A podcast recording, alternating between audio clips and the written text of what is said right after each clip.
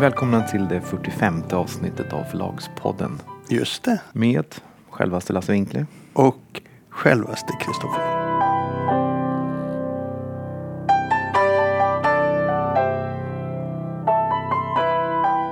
Du Kristoffer. Ibland har vi ju sådana här avslöjanden, alltså riktiga avslöjanden. Eh, och så tänker man ju att det finns någon journalist där ute som lyssnar. Och plockar upp det Mm. och använder det. Ja, det är Svensk Bokhandel ibland. Så när vi gör ett avslöjande som vi gjorde för ett halvår sedan, eller som du gjorde för ett halvår sedan, så hände ingenting. Tills den 18 januari, då du läste i tidningen. Ja. Det kan ju finnas andra, eller det kan ju finnas specifika skäl till det just i det här fallet. Men det avslöjandet vi talar om det är alltså det här Redan i september så talade vi i podden om att Bonnier Tidskrifter hade jätteproblem med ett nytt prenumerationssystem. Och att de här problemen var gigantiska. Att man hade tappat eh, 15 procent, i vissa fall 20 procent av, av prenumeranterna. Eh, och att detta ytterligare då förvärrade den stora krisen Bonnier Tidskrifter var inne i och är inne i. Eh, och vi återkom även till det här faktiskt. Jag tror vi gjorde två inslag om det. Och det stod inte om det någonstans. Eh, och nu så i, för någon vecka sedan så skrev Dagens Media om det. Och då så framgick det att, eh, att de här problemen var så gigantiska så att man, de hade orsakat förluster på 70 miljoner kronor. Mm. Men det var, det var väldigt, väldigt långsam reaktion. Ja, det var en långsam reaktion men jag menar den här informationen var ju inte bara vi som satt på så att säga utan det var ju eh, det finns ju på Bonnier tidskrifter så jobbar ju massor av journalister som läcker som såll. Även om det var locket på inom, inom organisationen så var det här tabu att tala om. Men eh, det måste ju funnits många som har läckt den här informationen vidare. Men det, det är väl också en sån där sak som var ska man skriva det? Resumé i Bonnierräkt. Eh, det finns kanske inte så himla många plattformar heller för att skriva om det på. Som är oberoende. Nej, som oberoende och som sen är intresserade av och som, be, som bevakar och är intresserade av att skriva om ett mediebolag på det sättet. Men då finns vi. Då Förlags, finns vi. Ja. Förlagspodden. Ja. Ja, där var vi rätt ute i alla fall. Eh, ja, där var vi rätt ute. Ja, bra. Det var bara det lilla vi ville berätta för er som lyssnar. Att, eh, Lyssna på Förlagspodden och ligg steget före.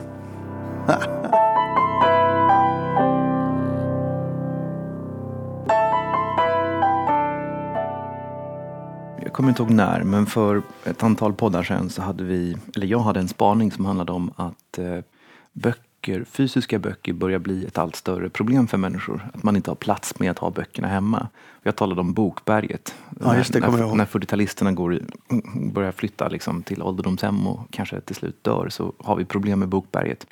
Eh, och eh, man kan inte längre få betalt för böcker när man lämnar dem till second hand och det är allt, allt svårare att bli av med böcker. Och eh, det här talade vi om och du var lite grann i chock. Fast jag tror du insåg att jag kanske var någonting på spåren. ja, jag ska berätta det när vi har pratat färdigt Ja. här. Jag har verkligen tagit tag i det. Ja. Eh, och en del av det här också då, som jag, en del av spaningen var också att jag ser då i, hos yngre människor, om du kommer hem till folk som är under 40, under 35 eller i den åldern så ser man att de har väldigt lite fysiska böcker hemma.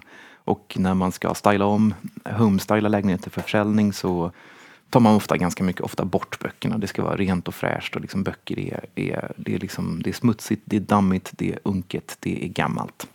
Och eh, som en bara bekräftelse på denna sorgliga spaning så såg jag häromdagen, eller för några dagar sedan, ett inlägg på gruppen Snack om ljudböcker som finns på, på Facebook och som drivs av Storytel. Och då kom ett, en person som skriver så här.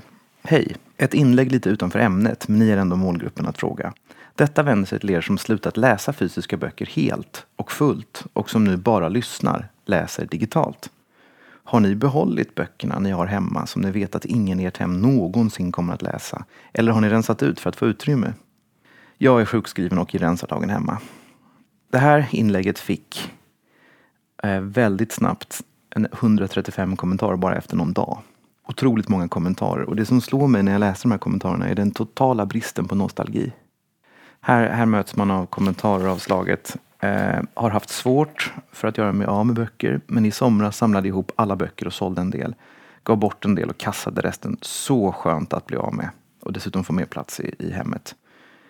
Någon har gett bort nästan allt. Någon skriver så här. Det var sorgligt att bli av med sina böcker man samlat på i decennier. Men nu ett år senare ångrar jag det inte.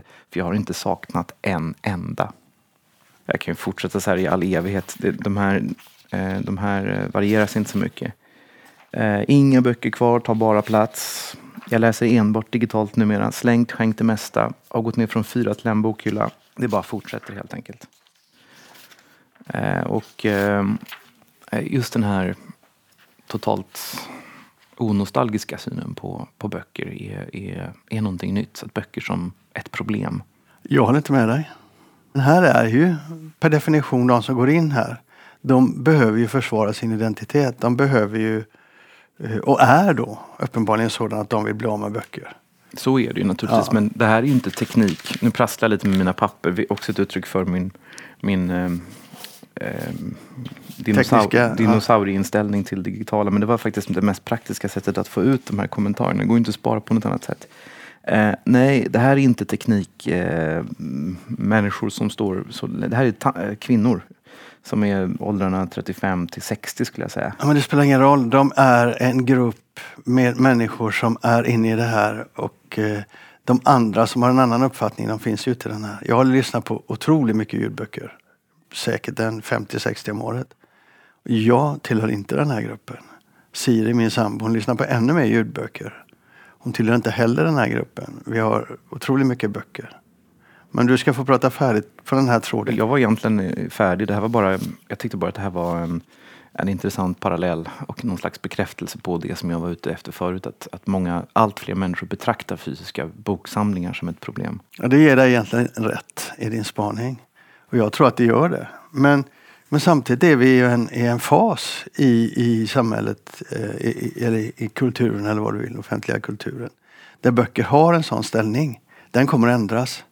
Alltså vi lever i en kultur där man faktiskt konsumerar allt mindre. Vi lägger mer pengar på upplevelser, på restaurangbesök och på sådana saker. Mindre pengar på kläder, mycket mindre pengar på kläder. Eh, mycket mindre pengar på ting. Och där tror jag även boken liksom ligger lite illa, illa till. Nu har det i och för sig visat sig att man tror att, att streamade mm, böcker är ganska dåliga för miljön också. Såg du det? Nej, jag såg inte. Det där att folk konsumerar mindre böcker, det är nu. Och vi lever ju i en rätt ytlig period, eh, får man ju säga. Vi pratar om det här med fake news och så vidare.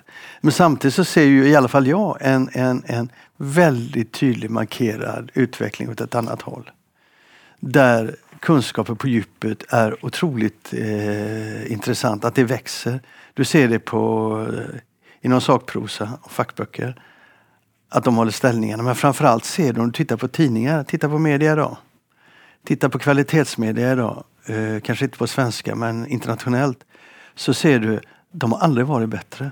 Ja, fast nu drar du iväg som du brukar säga till mig. Det här handlar inte om synen på bildning, synen på kunskap, synen på, på viktig information. Utan det här handlar bara om en, en delvis ganska praktisk syn på böcker som, alltså som fysiskt Men folk, ting. Folk kommer vilja ha böcker igen. Ja.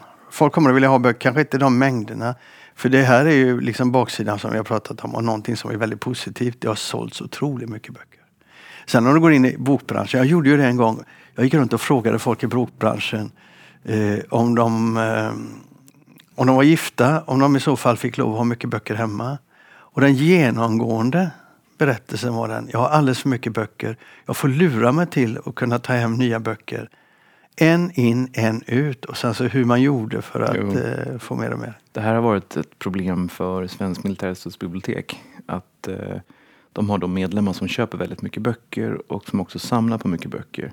Och om de är gifta så brukar det bli ett problem för då klagar, oftast är det då en fru som de är gifta med, klagar hon på att det, blir för mycket böcker hemma. Så det här har, har Svensk militärbibliotek märkt att när de gör sådana här undersökningar om varför folk slutar så är det inte för att de inte läser längre eller för att intresset har tagit slut utan för att de har fyllt liksom sina hem med böcker. Så det borde vara bra för biblioteken? Ja. Och en annan sak som, som eh, Per-Anders Lundström, den legendariska bokklubbschefen på Svensk militärhistorisk en gång berättade för mig var att han ett annat problem han hade identifierat det var att eh, ofta läser man när man ska gå och lägga sig och då stör man den som ligger bredvid. Så han hade liksom tagit fram någon särskild lampa som, inte, som, inte, som skulle vara väldigt bra och rikta ljuset bara mot den som läste på något sätt. Blev det en succé eller? Nej, jag, jag tror inte det. Men han liksom hade med den i pennan och svärdet och försökte förklara att det här var liksom lampan som, som skulle lösa eventuella konflikter. I äktenskapet? Mm, mm. Men du, du funderar också lite grann där vad jag förstår, vilken typ av böcker.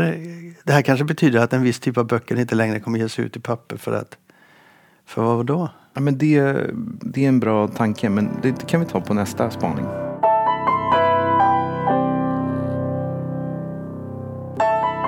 Äntligen får vi prata om vårt favoritämne, Stordalen. Ditt favoritämne framför allt. Ja, och detta att Stordalen försöker ta sig in i Sverige. Nu har vi lite mer att prata om. Och du Kristoffer har ju haft kontakt på den norska marknaden. Så du har hört en hel del om uh, hur det fungerar. Jag vet inte om jag har hört en hel del, men jag har träffat en person som är väldigt centralt placerad och som har stor insyn i det här och eh, då frågat lite grann kring vad är liksom den strategiska planen? Vad är Stordalens personliga drivkraft? Finns ett starkt eh, litteraturintresse, starkt kulturintresse och sådär? Och då har den här personen sagt till mig att eh, nej, så är det inte. Stordalen är inte så närvarande som man kan tro utan han är mest med i samband med att det ska göras avtal och skickas ut pressreleaser och sådär. Då är han fenomenalt bra men det är inte han som är drivande i det här utan det är eh, Magnus Rönningen som är en person då som, som eh, är med i de här grundar, grundarförlaget Pilar och eh, som tydligen har Stordalens öra. Och det är väldigt mycket hans idéer som, som man springer på. Även när det gäller att gå in i Sverige då? Ja, det är han som är, som är aktiv där. Jag hörde ju en rätt, eh, jag ska inte säga korkad historia för de inblandade är inte så korkat. Men för mig utanför så kändes det lite, hur tänker de egentligen? De hade närmat sig, de har närmat sig ett antal svenska förlag. Ja, eller de har exakt närmat sig fyra svenska förlag. Ja, och det är fyra förlag som ser helt olika ut. Och jag funderar på vad kan de få för synergieffekter av dem? Inga. Och vad har de för profil? Ska de behålla? Ska de, köpa? de vill köpa alla, så vitt jag fattar. Mm.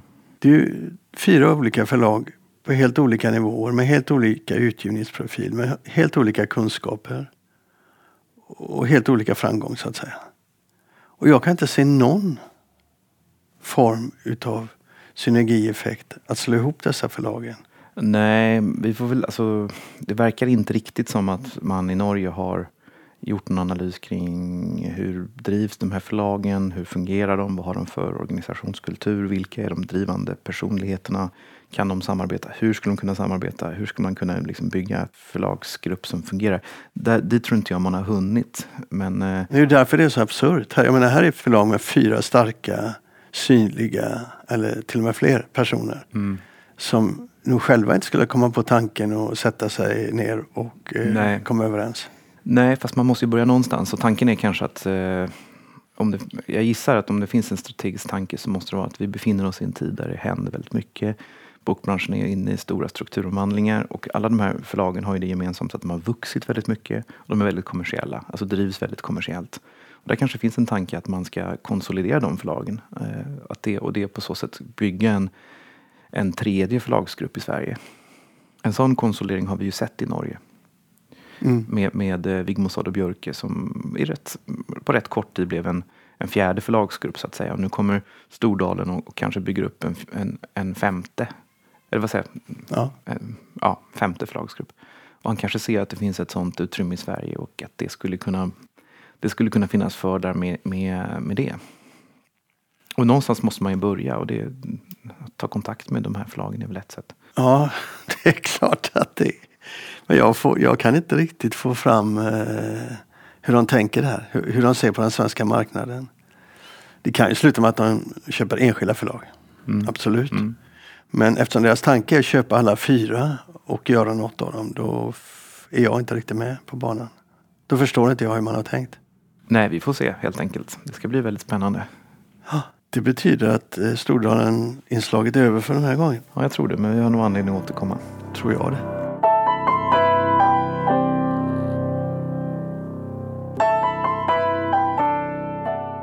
Du ska inte snacka lite om eh, 2018? Mhm. Jo men det blir ju offentligt. Hur det har gått. För dig alltså. Eh, ja, du menar så. Ja, ja. Jo, men uh, det var, hankar oss fram. Nej, men det var ett bra år 2018. Ja, Var det. vad, vad kan du dela med oss? Ehm, jag kan dela, alltså, det, det är ju ingen hemlighet eh, hur det har sett ut på förlagen och eh, Förläggarföreningens statistik för 2018 har väl också blivit allmänt känd vid det här laget. Och man, vad man ser 2018 det är ju att förlagsbranschen växer inte. Eh, men den sjunker inte heller utan den står stabilt så att säga. Kring, det är ingen tillväxt men det är inte heller någon, den går inte tillbaka. Däremot så ser man då en väldigt kraftig 2018, en väldigt kraftig ökning av streamingtjänsterna. Och en motsvarande då minskning av bokhandeln. Och ökningen, jag tror att den, jag kommer inte ihåg siffran nu exakt, men för Förläggarföreningen var det väl över 20 procent ökning på streamingsidan. Um, och bokhandelsminskningen är betydligt mindre och det beror ju på att uh, det, det, är ju dyrare böcker i bokhandeln så att säga. Men, men uh, det, så, ser ju, så ser ju branschens siffror ut. Och eftersom Lind Company är väldigt duktiga på det digitala och är lite överviktade där så ser ju våra siffror likadana ut fast vi har ju ännu större då ökning av det digitala. Inte 20 procent utan? Ja, ökningen är, är större än 20 procent. Mm. Jag kommer inte ihåg hur ökningen är men jag vet hur stor andel av vår totala omsättning som är digital nu. Och det är? 40 procent. Och hur, hur, ser det, om du tittar på övrig utgivning, hur ser det ut? Hur mycket är skönlitteratur idag? Eh, skönlitteraturen hos oss står för 60 procent av intäkterna. Och eh, antagligen en ännu större del av vinsten skulle jag gissa. Och sen har vi barnböcker som är på 18 procent och eh, fackböcker 22 procent. Och där kan man ju också se då att fackböckerna har ju minskat. Hade vi gjort det för tio år sedan så, var det ju nästan 50-50. Alltså när du berättar det så får man också tänka på att du har ju väldigt medvetet drivit en och rensat utgivningen. Jo, vi har rört oss mer mot skönlitteratur. Ja, och det sätter ju sig direkt i mm. siffrorna såklart. Jo. Så det är inte en naturlig utveckling att man säljer mindre fack utan du Nej. säljer mindre fack. Ja. Så att inte folk som lyssnar på det här tror att, eh, att, att det ser så ut för alla, för det gör det inte. Nej, det gör det ju inte. Men du Fast är... det, fack har ju minskat för alla skulle jag nog säga. Ja, fast samtidigt så har jag en känsla av att det just nu rör på sig bättre än, mm. än skön. Mm. På marknaden alltså? Ja, det är möjligt. Inte hos oss. Nej. Du har ju inget fack. jo då, vi har, vi har jättemycket bra, bra fackböcker. Men det här, du får ju också en effekt av det här eftersom, eftersom det digitala är stort och stort hos oss. Och på fackboksidan så får du ingen utväxling av det digitala för att fackböckerna de kan inte bli ljudböcker eller när de görs till ljud så fungerar de ganska dåligt med undantag för biografier. Det är väldigt svårt med att göra ljudböcker av historia exempelvis. Mm. Väldigt svårt att göra ljudböcker av eh, populärvetenskap. Omöjligt att göra eh, kokböcker till ljudböcker. Mm. Du har ju du har också en sån eh, om du, om du är stor på skönlitteratur och sen så har du en kraftig ökning av de digitala intäkterna från framförallt streamade, streamade ljudböcker så får ju det, konsekvensen blir då att fackböckernas andel av totalen sjunker. Men det betyder kanske inte att du har sålt egentligen mindre fackböcker utan det betyder att tillväxten finns på, på ljudbokssidan där, där, där är genomslaget är liksom störst, eller inte störst, det är nästan den stora majoriteten där kommer ju från, från skönlitteratur. Så att det, det, det, är, det är också en effekt av det. Såklart. Men du, eh, visst är det så att ni har haft ett jävligt bra 2018? Om sanningen ska fram. Alltså vi har ju brutet räkenskapsår eh, och det är inte något, någon hemlighet. Det kan man ju, sådana uppgifter är offentliga i Sverige. Men det var ett bra år. Eh, det var ett år som var i linje med vårt föregående år. Vi har brutit räken, räkenskapsår per sista juni. Men vi har haft en väldigt stark höst. Så att eh, 2018 i sin helhet var mycket bättre än vad vårt föregående räkenskapsår var. Så ni ökar när marknaden lite håller sig stilla? Ja, vi har ökat. Vi har haft en kraftig ökning under hösten.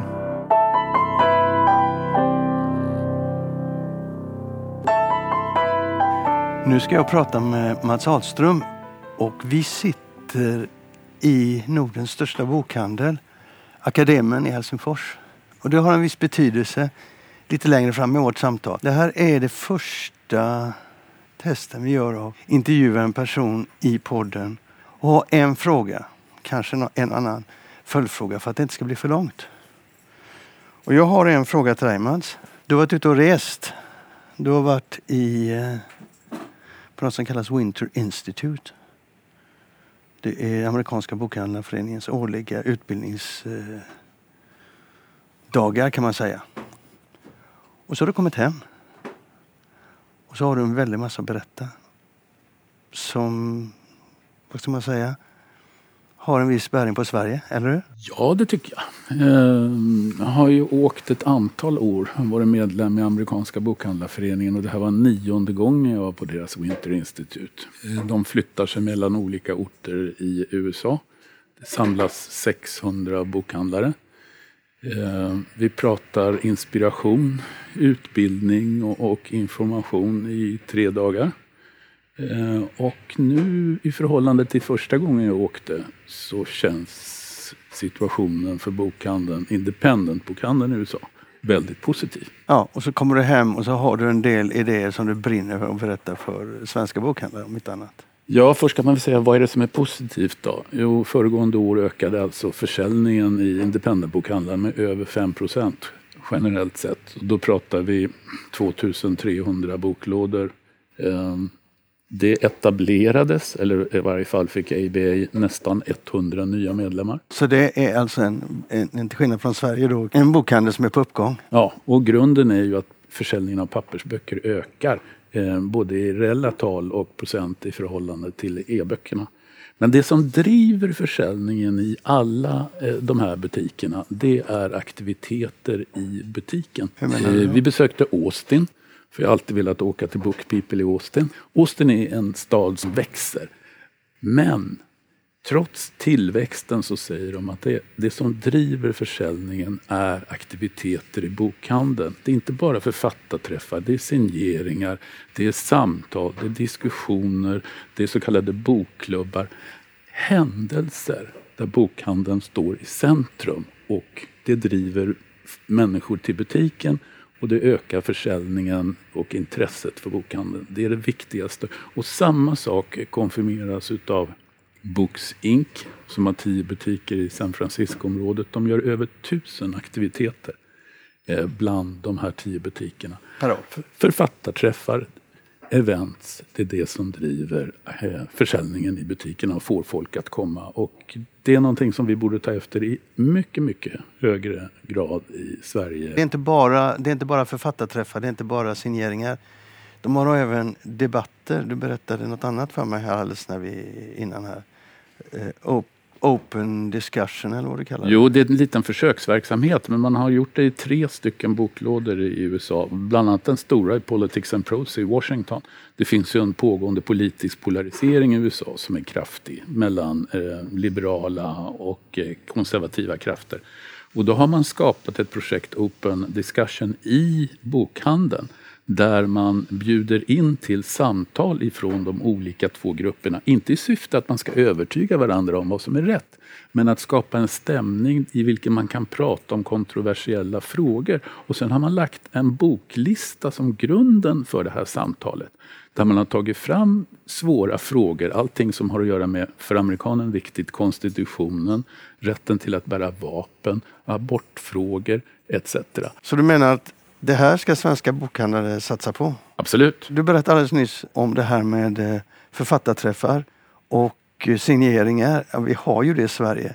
Men vi har ju det en gång i månaden och sånt här. Här har de det varje dag. Här har de varje dag, upp till tre gånger per dag. Och jag tycker man kan blanda det. Alltså, lässtunder för barn på lördagar och söndagar. Eh, reading groups där man träffar på kvällen och läser en speciell bok och diskuterar det. Signeringar, lunchföreläsningar. Det här är ju ett systematiskt långsiktigt arbete att få människor att identifiera och komma till butiken. Allting ifrån liksom barn till äldre personer. Att inse att bokhandeln har en viktig roll att spela i samhället. Vad ser du mer att svenska bokhandlare kan lära sig av det du det du tar med dig hem från USA? Ja, de, de delar jag gick på och tittade på som jag tyckte var intressant det var till exempel pre-order sales. Eh, Vad innebär det? Det innebär att vissa stora titlar eh, tecknar Amazon in eh, fyra, fem, sex månader innan boken kommer ut genom att folk lägger förhandsbeställningar. Ungefär som Adlibris gör? Ja, precis så. Och där har Bokhandlarföreningen eh, försökt, jag tror, hitta ett system för att man ska kunna göra på samma sätt i butiken. Alltså vissa stora titlar så är uppåt 20 procent utav försäljningen redan avklarad innan boken släpps. Och detta har hittills den privata bokhandeln gått miste om. Och det behöver de inte göra egentligen. Nej, så att det har man hittat system för mig. Och så tittade jag, jag gick på Instagram, sociala medier, seminariet och Facebook är ute. Instagram är det som gäller. Bilder, att kommunicera med bilder. Men fattar jag det rätt då? När du kommer tillbaka från Winster Institute så är det framförallt detta du vill tala om för svenska bokhandlare. Satsa ännu mer på författarträffar, på rörelse i butikerna med läsgrupper, signeringar, författarträffar, debatter. Det är det som driver, idag driver, eh, så att säga, ökar affären i de här butikerna och skapar identiteter och skapar, det är mer möteshubbar eller kulturella hubbar bokhandlar på det sättet. Eh, Ja, I USA. man kanske inte ens behöver använda de fina orden. Alltså, det viktiga är att bokhandeln är extrovert, inte öppna dörren och tro att kunden bara kommer. Utan man måste arbeta utåt mot människorna tillsammans med, i samhället och vara aktiv. Det är det absolut viktigaste. Jag sa i början när vi, vi började det här samtalet så sa jag att vi sitter i Helsingfors och det har en viss betydelse. Och det har det Mats, för vad gör du här? Ja, det finns en länk eh, till det här med independent-bokhandel. I somras fick jag ett sms av Håkan Rudels på Bonniers som sa det. Jag tror att vi behöver ha lite mer independent-bokhandel i Finland. Kan du hjälpa oss med det? Ja, men då måste man ju tala om att, att Bonniers äger alltså så. Akademin som vi sitter i. Ja, Bonnier köpte Akademen som är den stora butiken tillsammans med sex andra butiker. Eh, och det gjorde man 2015 tror jag. Och nu har du fått komma hit för att eh, se till att det blir ordning på den här affären. ordning vet jag inte men eh, det är väl så här att eh, jag åkte hit i september och tittade på situationen och konstaterade att den är ungefär som i Sverige och i Norge. Det stora bekymret är att man tappar besökare eh, och därmed också kunder. Eh, kostnaderna ser helt okej ut tycker jag. Eh, och det här är ju en situation som är likartad med Norge och med Sverige. Så att det är inget unikt. Men trenden måste ändå vändas. Så att nu är jag här en vecka och går igenom allting som bokhandeln gör i princip. Från eh, lagret eh, till eh, marknadsföring och aktiviteter och inköp. Och jag ser att det är tre saker som jag tycker är viktiga och som vi ska prata om här under våren. Det första är ju att accelerera och bygga ut ett stort evenemangsprogram eh, för att dra nya kunder. Sen måste man ändra inköpsstruktur. Föregångsdelen i det här var Waterstone som gjorde det 2014. Istället får man prata om vi har ett samarbete med förlaget. Vi ska ha den här totala inköps eller försäljningsvolymen och så får man prata villkor utifrån det. Men att man ser till att förlagets böcker då kommer in i bredd till bokhandeln. Sen ser man vad det är som säljer och det är då man måste komplettera eh, och bygga upp så att det finns tillräckligt med böcker. Så vad du vill ha här då, det är låga initialordrar och sen ska eh, folket i butiken här, de anställda i butiken, Ja. driva försäljning. Men det kräver också en mer aktiv eh, personal. Oh ja. Eh, och, och det ställer också om hela organisationen från att ha en central inköpsorganisation till att ha en mera förankrad eh, initiativ i fack, de enskilda avdelningarna i bokhandeln, på golvet. Så helt enkelt att personalen i bokhandeln ska få bestämma mycket mer. Så är det, en independent tanke igen. Mm. Så du ska ta det du har snappat upp på Winter Institute som du tycker tillhör framtiden för bokhandeln och lägga här, åtminstone här på Akademin i Helsingfors. Ja, det finns en lyhördhet här för detta. Bra, tack ska du ha Mats. Tack. Ja, det var allt för avsnitt 45. Vi hörs igen om ett par veckor. Eller hur Kristoffer? Ja,